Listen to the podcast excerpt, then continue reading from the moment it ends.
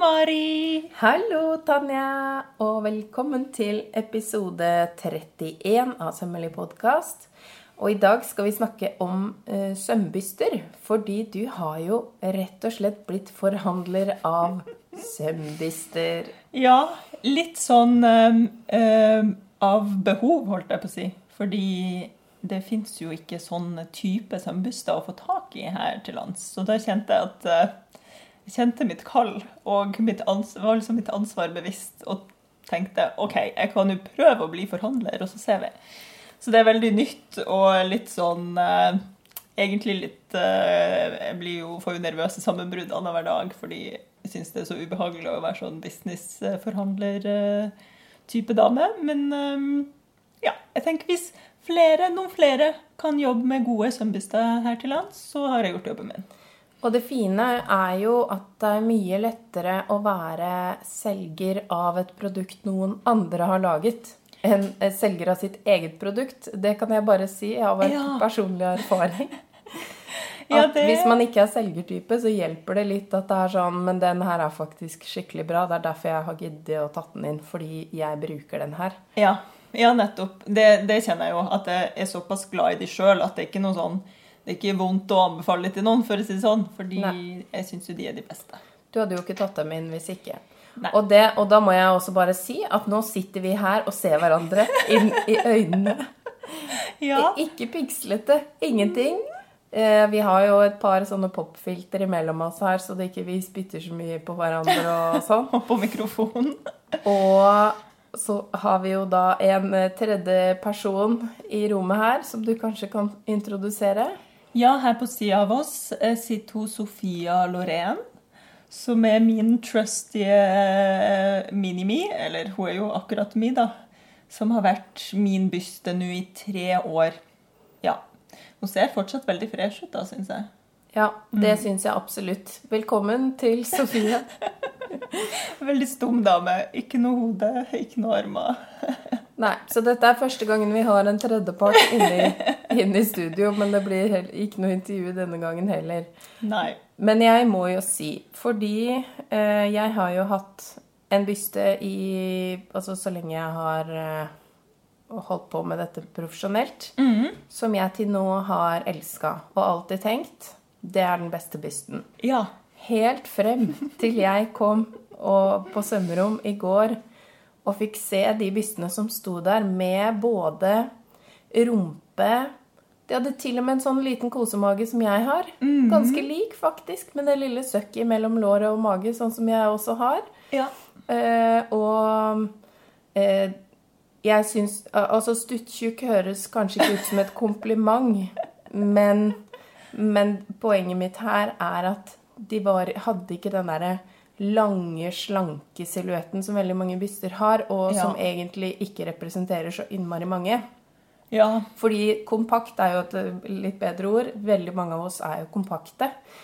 Og det jeg føler at de bystene virker som at de vokser i bredden på en mer naturlig måte. I forhold til, til at de ikke nødvendigvis er så veldig mye lenger eh, oppover i størrelsene. ja. Det er mitt inntrykk, da. At de ser ut som de bare blir mer formfulle. Noe som jo stort sett stemmer. Ja, for det er jo der problematikken med sånne byster som man kan stille inn størrelser på, kommer inn. At eh, ja, de blir jo på en måte større i volum, men de blir også sånn veldig proporsjonalt større. Det er ikke sånn at de får mage og rumpe, og at det er det som er volumet rundt. Eh, Det er jo bare at hvis man har en sånn byste som man kan stille inn på, så blir hun bare sånn enten vid og flat, eller generelt bare sånn kul rund som en globus. Og det er det jo ikke så mange av oss som er. Vi får jo liksom gjerne mage og pupper og sånn når vi legger på, så ikke alt det andre. Og med den der lille magen eh, og de bystene her, fordi det som er fantastisk Altså, hvor mange ganger har ikke jeg prøvd å finne en byste med lår?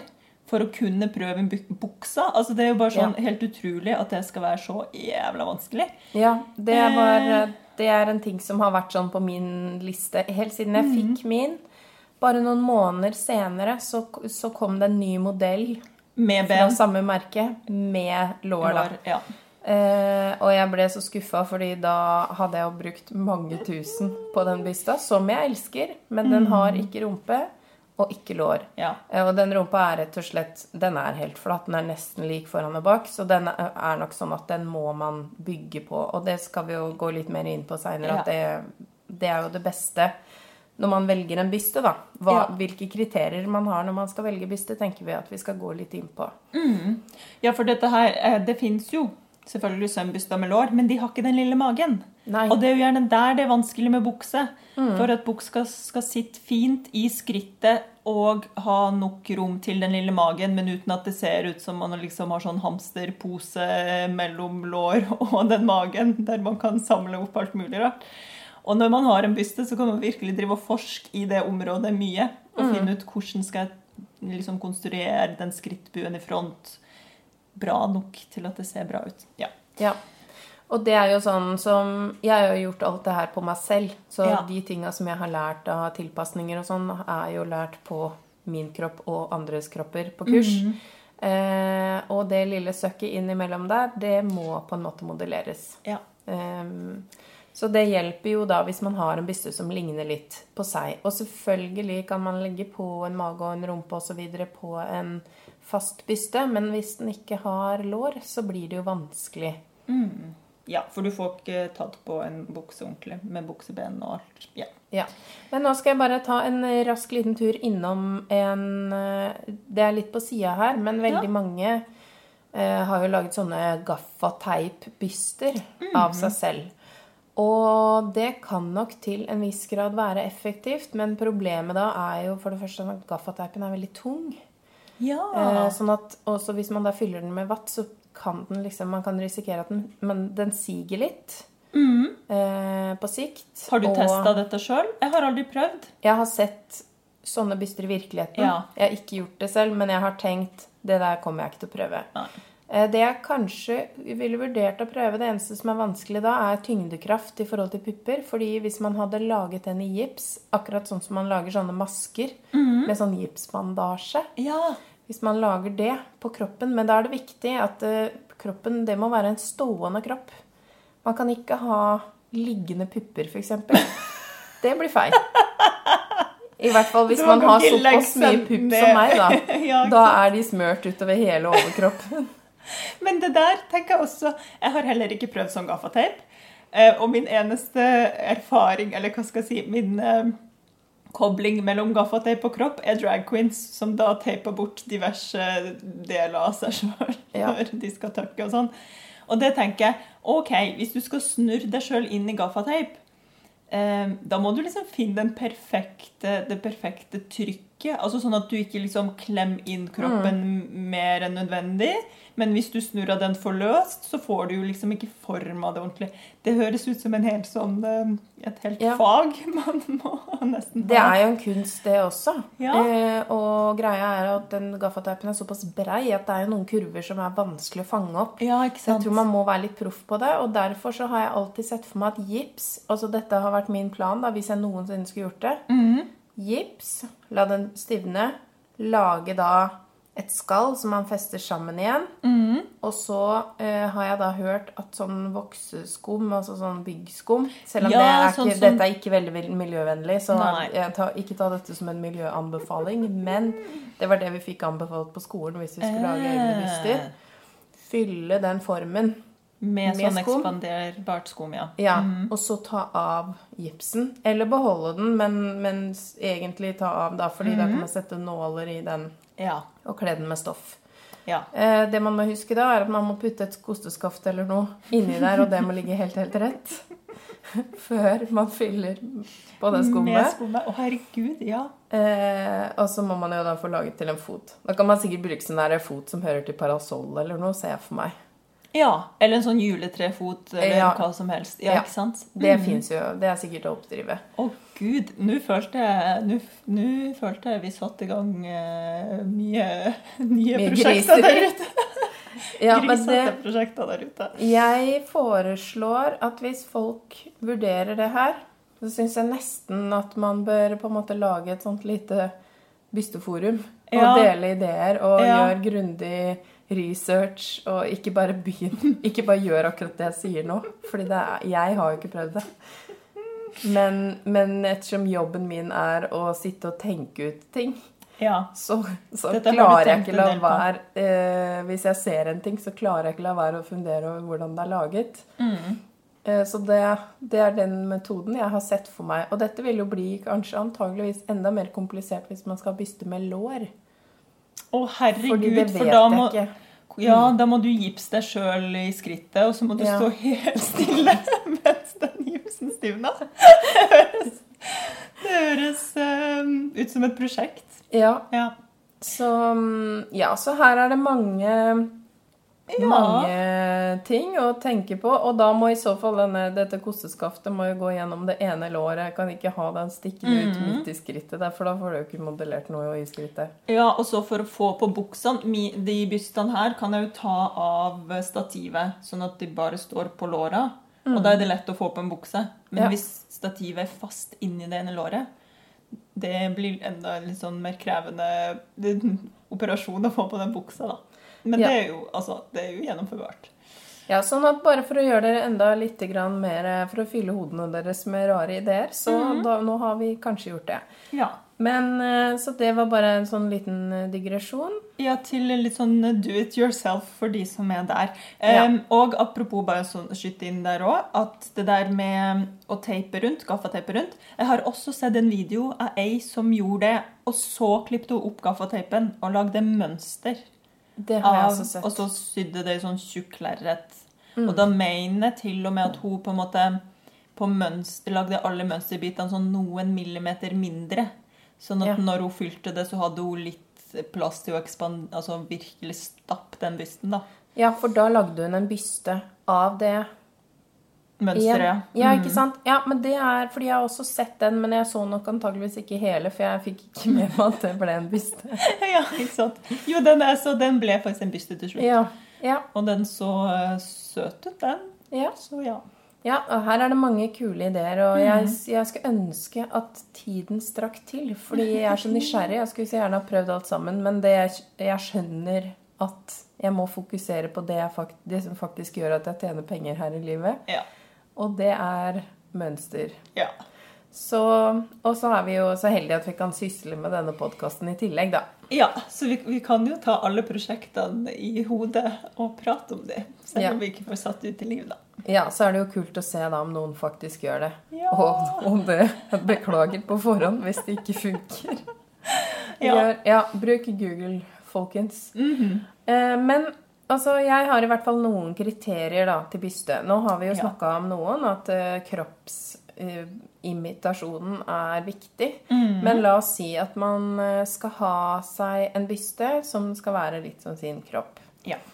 Ehm, det jeg syns er viktig da, er at den er tung nok. At jeg kan modellere på den uten at den velter. ja. For det glemmer man litt der man står og kjøper byste, og kjøper en sånn der veldig lett i plast som er sånn Så skall skal, ja. med sånn lett stativ. Eh, Det som skjer, er at når du er litt entusiastisk i din drapering og skal sette på nåler, så plutselig så knocker du hele greia over ende. Og så ligger den der, kanskje til og med med en knust pupp. Ja. Ak ja, akkurat de, Det er godt mulig at de tåler litt de justerbare i plast, men Nei, vi, de gjør ikke det. La oss nå bare være ærlige. De gjør ikke det. det var eh, en av de Stockmann, da, for å si, for vi bør jo egentlig nevne litt de typene som fins. Ja. fordi vi brukte på KIO, det, var, det er Stockmann-byster, som jeg jo har vært megafornøyd med helt frem til mm. nylig. Problemet har vært at den hadde samme overviddemål som meg, men jeg er smal med masse akkurat der hvor det er pupper. Mm. Mens den var stor rundt hele, liksom. Så ryggen Med- var på en måte også bred. Ja. Mm, det er jo Så den, det jeg modellerte på den, ble aldri ville aldri passe meg fordi den, selve puppene var mindre, så koppene og de tinga passa ikke. Ja. Ehm, og den hadde jo heller ikke rumpe, men det er ikke så vanskelig så lenge den er mindre enn deg å på en måte bygge på. Ehm, men det de Stockmann-bystene har, er at de har en god og tung fot. da. ja. Og samme med de som de bruker på Esmod. Det er et eller annet sånn fransk merke, men de ligner på de Stockmann-bystene. Eh, og de jeg, opplever de to som ganske like. De har liksom en sånn ganske hard kjerne Ja. med et lerretstoff utapå som det går å nåle i dem, men du må nåle litt sidelengs. Du kan ikke bare sette nåla rett, Rett inn. inn. Ja. Det, akkurat det syns jeg er digg med de der eh, bystene som er typiske utstillingsvinduer og sånn. Som ikke er en dokke, men som er ja, litt mer sånn i isoporgata. Det er vel ikke nøyaktig isopor, men det er noe i den gata. Ja. Der kan man i det minste sette nålene inn. ja. Og foten er sånn ganske solid, selv om den ikke er veldig tung. Mm. Eh, og der kan man jo, hvis man kjøper en som er smalere enn seg selv Da er det jo viktig at ikke overkroppen er veldig mye kortere, da. Mm. Men de kan man jo få for en billig penge og bygge på. Så det er jo liksom Ja. tenker jeg er et, alternativ. Ja. For dette er utstillingsduk... Disse her Ja. kjenner jeg ikke til engang. Det er de typisk som man ser hvis man begynner å kikke etter. Ok. Eh, og som man veldig ofte kan finne på Finn. da. Ja. Det er um, en trefot. Og så har den litt Ah. sånn naturhvit, beigeaktig syntetisk trekk utapå. Og så er det noe sånn i isoporsjangeren Inni der. inni okay. der. Ja. Eh, så de er sånn på en måte et greit alternativ. Jeg vet det er mange som bruker dem som sømbyster. Mm. Og de er ikke helt formløse, liksom. Ok. Ja. Um, og, og der har man jo det, det at det er mulig å nåle veldig greit. ja, ikke sant. Som jo er et kriterium for min del. Ja. Hva slags kriterier har du på en måte når du ser etter byste? Altså For det første så er jeg blitt veldig kresen etter jeg begynte å bruke de her. Den må se ut som en person. Kan ikke se ut som en byste. Må se ut som et menneske, liksom, for det er det jeg syr til. Jeg syr liksom ikke til eh, skall. Og så er det veldig viktig at jeg må kunne nåle i de, og sette nålene rett inn. For når jeg modellerer, og hvis jeg modellerer grunnformer og sånn, det, det blir bare knot å sette de nålene sideveis, for du får, kommer alltid til å få litt sånn slakk. Altså hvis jeg vil stramme opp et stoff, eller få det liksom akkurat sånn som jeg vil, så må jeg kunne sette nåla rett inn i bysten. Og så, eh, fra og med siden jeg fikk den her, så kommer jeg aldri til å gå tilbake til bysta uten lår, for det gjør jo at jeg bare kan Eller det gjør jo at jeg ikke kan modellere buksa. Og det syns jeg ikke er noe gøy. Det vil jeg jo gjerne gjøre. Så det må jeg kunne.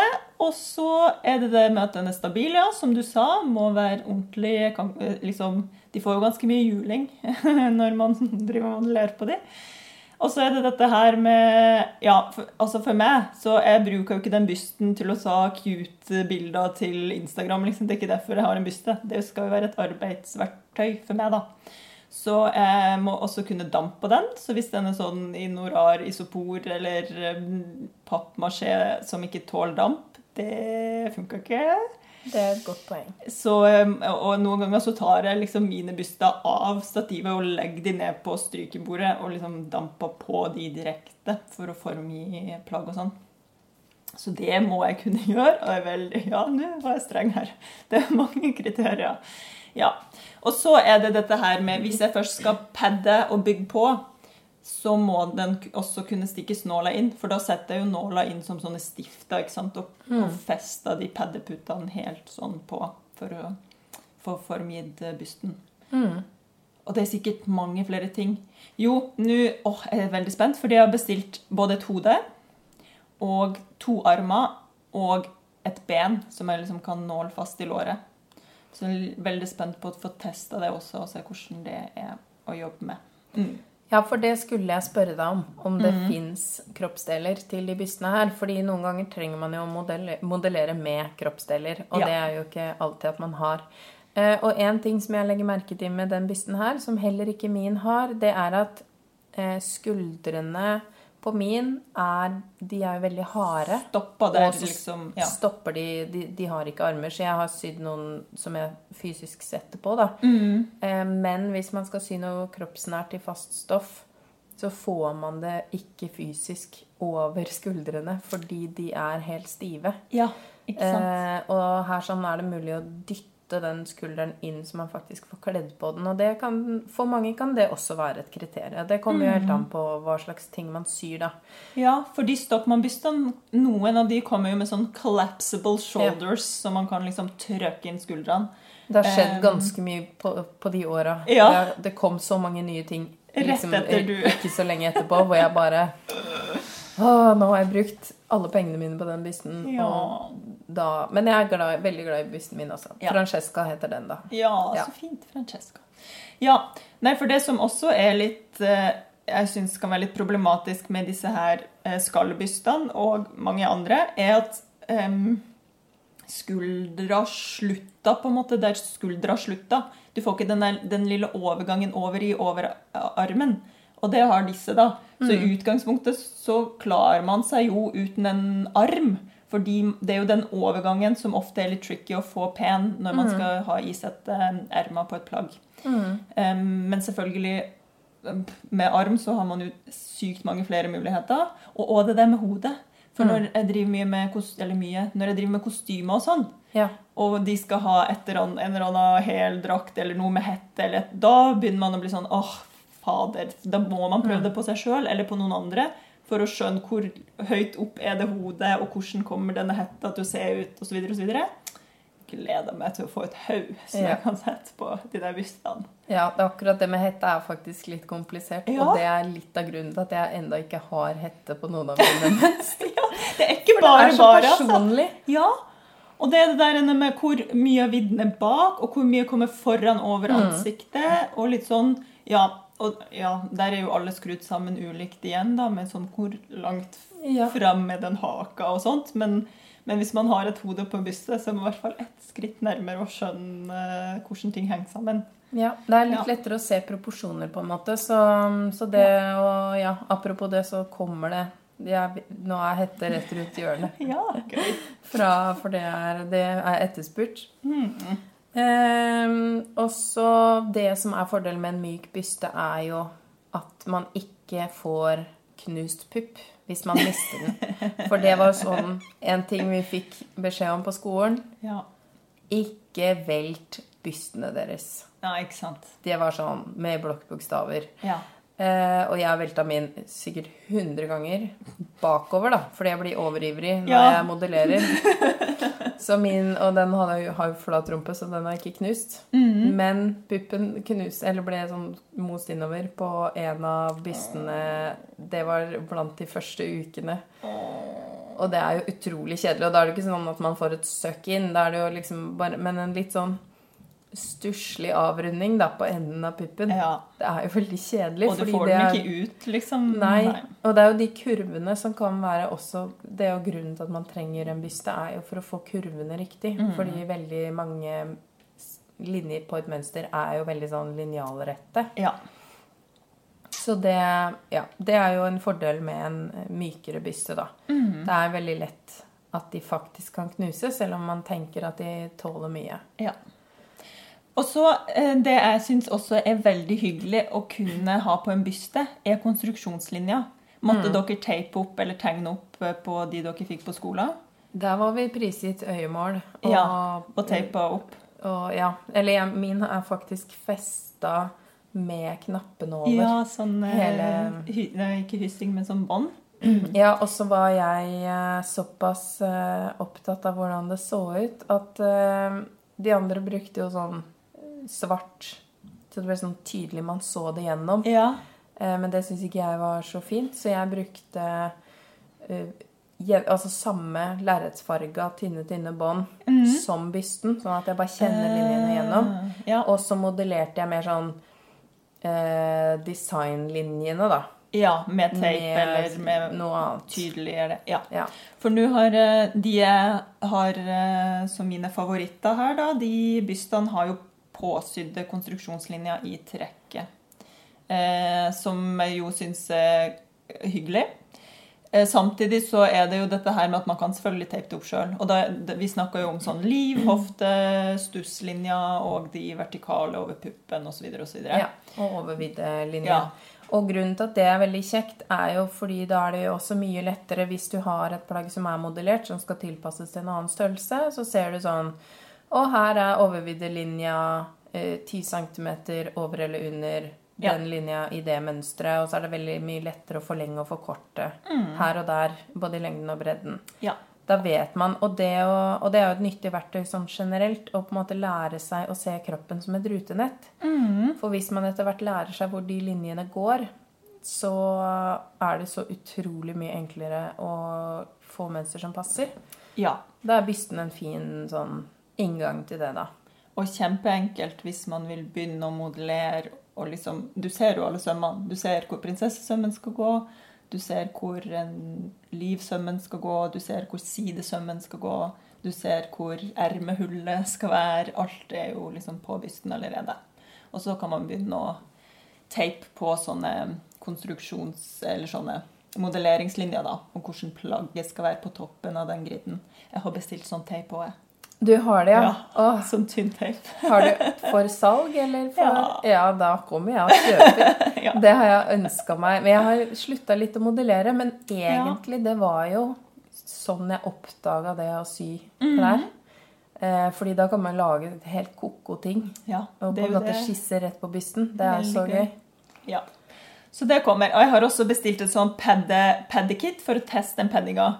Det Ja. syns jeg også ser veldig artig ut, for det ser jo ut som sånne altfor store skulderputer som man kan sette på magen eller på Ja, låra. Eller, ja, sånne rumpeputer og Ja. Det gleder jeg meg til å teste. Ja, og det syns jeg var en ganske sånn smooth overgang til padding. Ja. Fordi eh, de fleste har jo, finner jo ikke sin kropp som byste. La oss nå være ærlige, hvor mange er det som gjør det?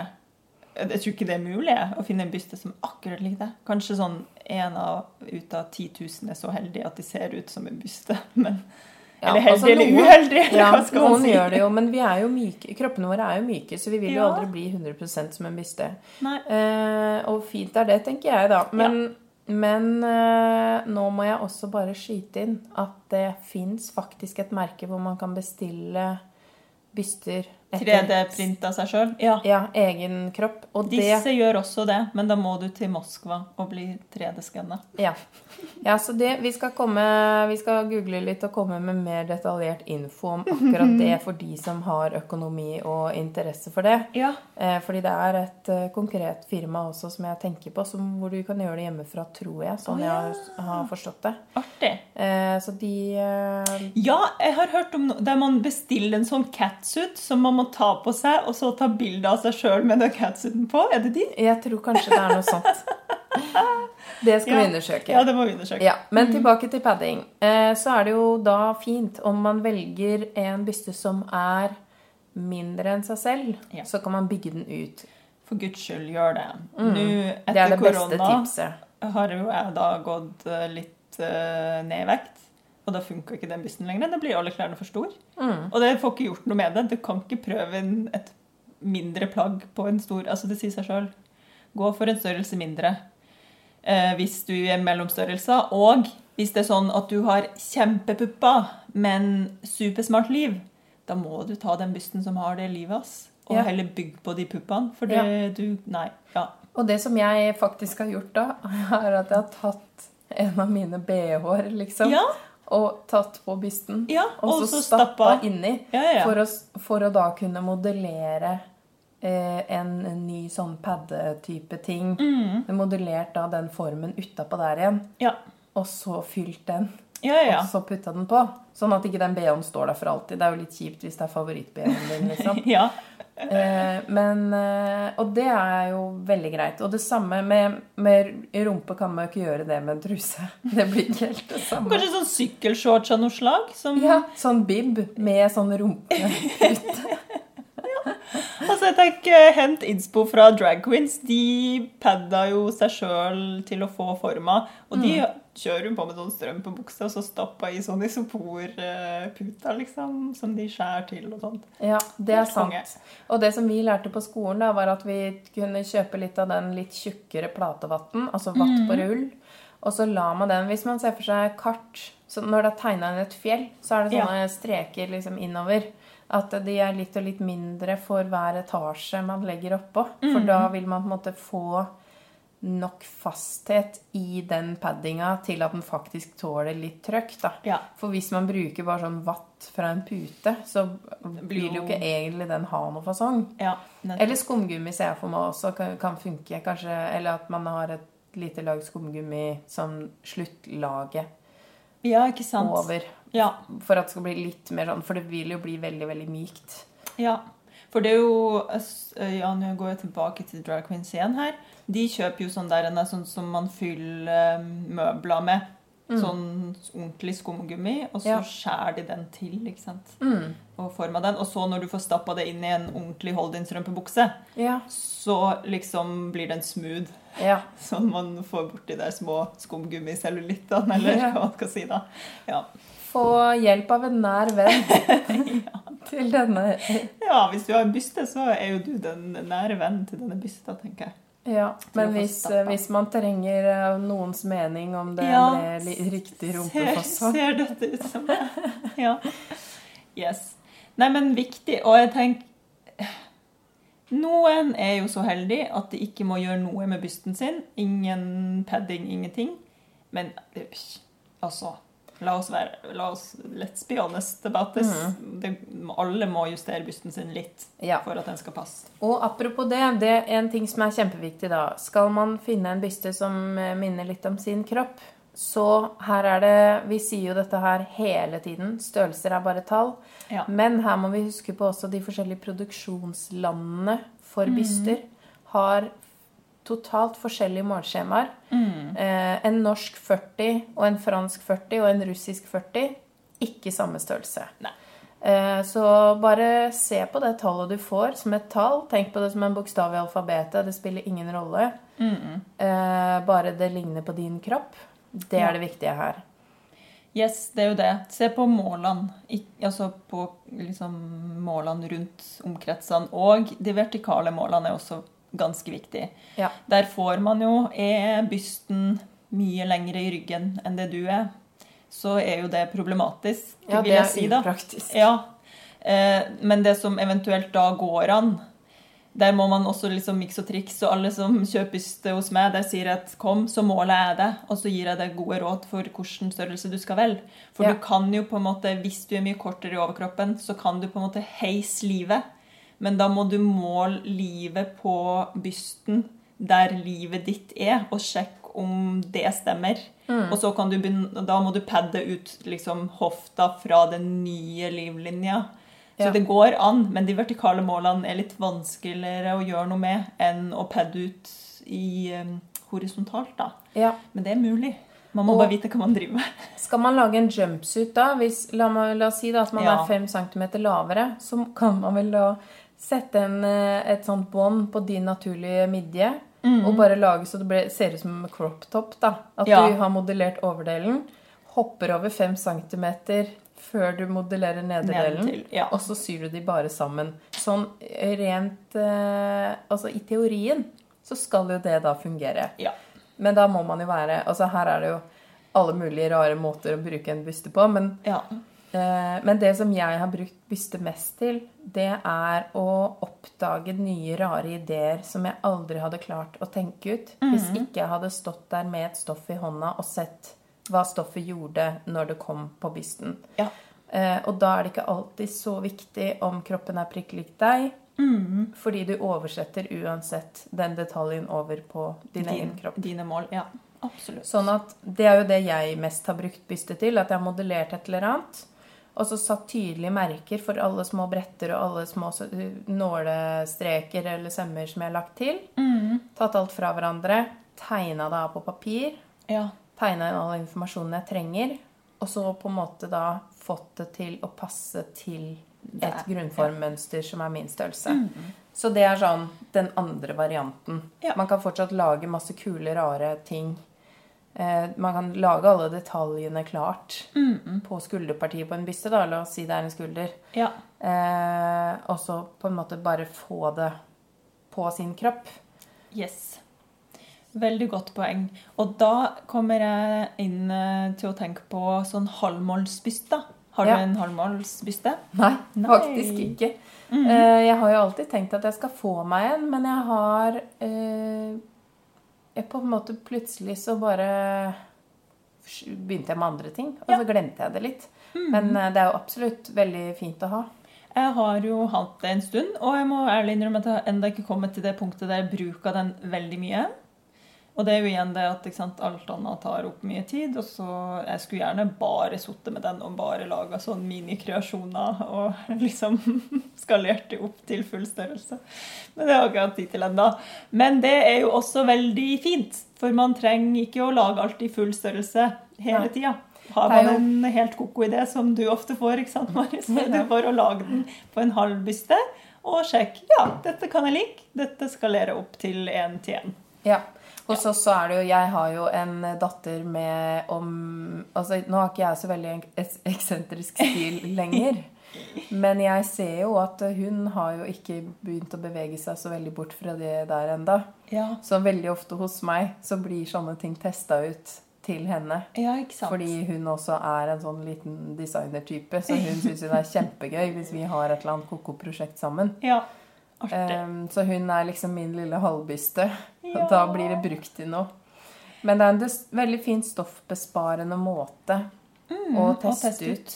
Ja. Uh, fordi det, det er kjapt, og så kan man sitte med den lille halvbysten i fanget foran TV-en hvis man uh, ja. på en måte også gjerne vil få sett litt på TV. Innimellom. Ja. Ja. Historisk fun fact.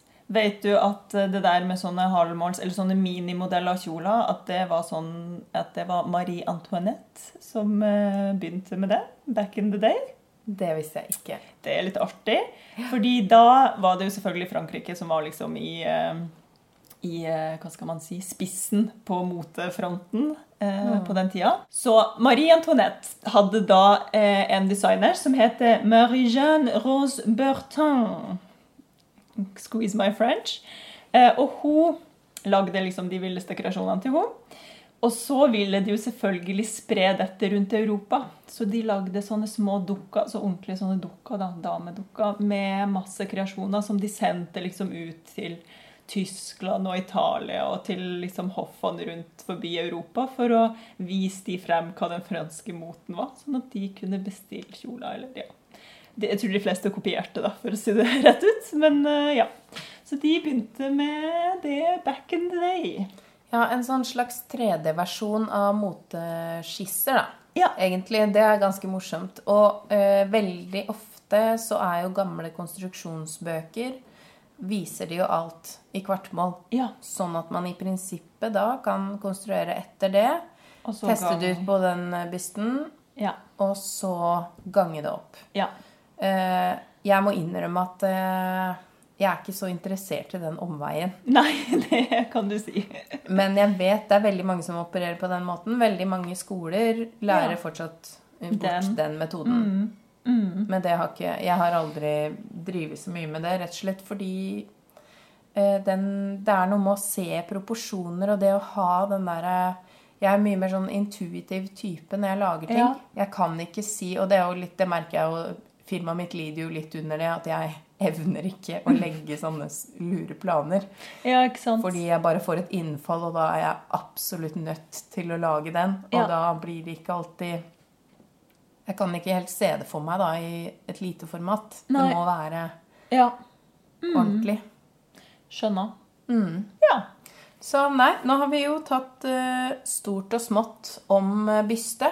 Og Ja. bare en sånn siste ting, en ting som eh, er ganske vanlig hvis man f.eks. jobber med kundesøm, da, og bare har én byste, så er det ganske vanlig å lage en sånn, på en måte en sånn slags bodysuit av kunden, ja. som man putter utapå.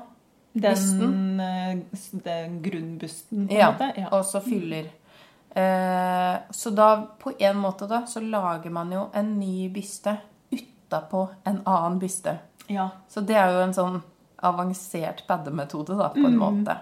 Eh, men det er også noe som man kan gjøre, som jeg syns også er ganske kul tanke, at man kan lage en liten drakt med glidelås ja. som noen kan ta på seg, og så blir de til den kroppen. Det er gøy. Jeg ser for meg sånn sumodrakt der med en gang. Men ja, Ja. eh, det, Det er jo samme prinsipp. Ja, samme prinsipp. Apropos det der, nå kom jeg på en historie som Tine Solheim fortalte oss eh, lærlingene eh, back in the day. At da hun, Jeg tror det var da hun jobba for Pers Bukk. Så hadde Og nå får hun arrestere meg hvis jeg sier feil, men da var det i hvert fall en eller annen litt sånn skummel kjeller i, på atelieret der. I en sånn lang, lang gang. Og langs hele veggen i den gangen så sto det sånne spesialbyster da, med, med de der draktene utapå seg. Og med liksom kjendisnavnene på. Ja, så de hadde liksom sånn lager av alle kroppene ned i den skumle gangen. Så når man gikk ned der, så bare gikk man liksom blant alle kjendisene sine kropper. Ja, veldig gøy. Det er minner meg litt om den nattsvermeren. Ja, litt creepy. Litt creepy. Men uh, veldig morsom eh, fun fact, det må jeg si. Ja. Ja, jeg hadde frika ut, tror jeg, det hvis jeg hadde jeg kommet. Hvis hun må eh, liksom ned i kjelleren og hente opp uh, den og den personen. ja, Ja. ja. Gøy! Mm, og da er det jo sånn at um, er man interessert i de bissene som du har, så tar man kontakt med deg direkte. Ja. Uh, og er man interessert i å snuse litt på byster sånn generelt, så er det jo veldig mye på Finn. Ja. Ja. Eller hvis du ser en butikk som skal legge ned, og bysta ser helt grei ut, den som er i vinduet, så hender det at de selger det for en veldig billig penge, for det er digg for dem å bli kvitt det med en gang. Ikke sant? Yes. Men uh, finn ut hva som er viktig for deg. Hva skal du bruke dette til? Ja. Skal du bruke det til å bare ta uh, som jeg sa, cute bilder til Instagram? Da spiller det kanskje ikke så veldig stor rolle hvordan byste det er. Men skal du faktisk bruke det som et arbeidsverktøy og modellere og liksom få opp sømmen på et nytt nivå, da ville jeg investert litt i en ordentlig byste. Ja, og det vi snakker om hovedsakelig her, er jo faste stoffer. Hadde man hatt stretch, så er det jo veldig mye av det her som er litt sånn Ja. eh, Jersey får man jo trøkt ut på omtrent det som, det som er. Og det er jo det som er så praktisk med det. ja. Eh, men eh, men det, alt det her med sånn eh, collapsible shoulders og Mm. sånne detaljer, det er jo det, det er jo selvfølgelig til faste stoffer hvor det er et problem. Yes. Da sier vi vel bare takk for i dag, og lykke til med bystetankene. Enten du skal mekke en sjøl, eller bygge på, eller Lykke til med å gipsskritte, hørte jeg på å si. Hurra! Hurra! Takk for i dag! Takk for i dag. Tusen takk for at du hørte på Sømmelig podkast. Du finner oss på Instagram. Der heter vi sommelig understrek podkast med k. Og ellers kan du kontakte oss på e-post, og da sender du den til sommelig med k at gmail.com. Tusen takk til Andreas Prestmo i Wildtagen Studios, som klipper og limer og sørger for at vi har god lyd. Og tusen takk til Synnøve Ovrid, som lager den fine musikken vi hører.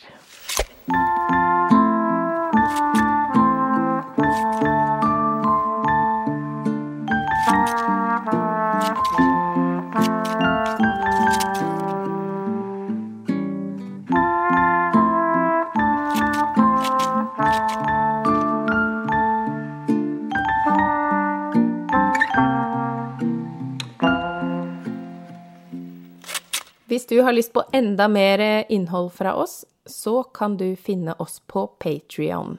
Da går du inn på www.patreon.com slash sommelig, og der kan du enten støtte oss som en skytsengel eller som en støttekontakt for å få ekstra snacks. www.patreon.com slash sommelig.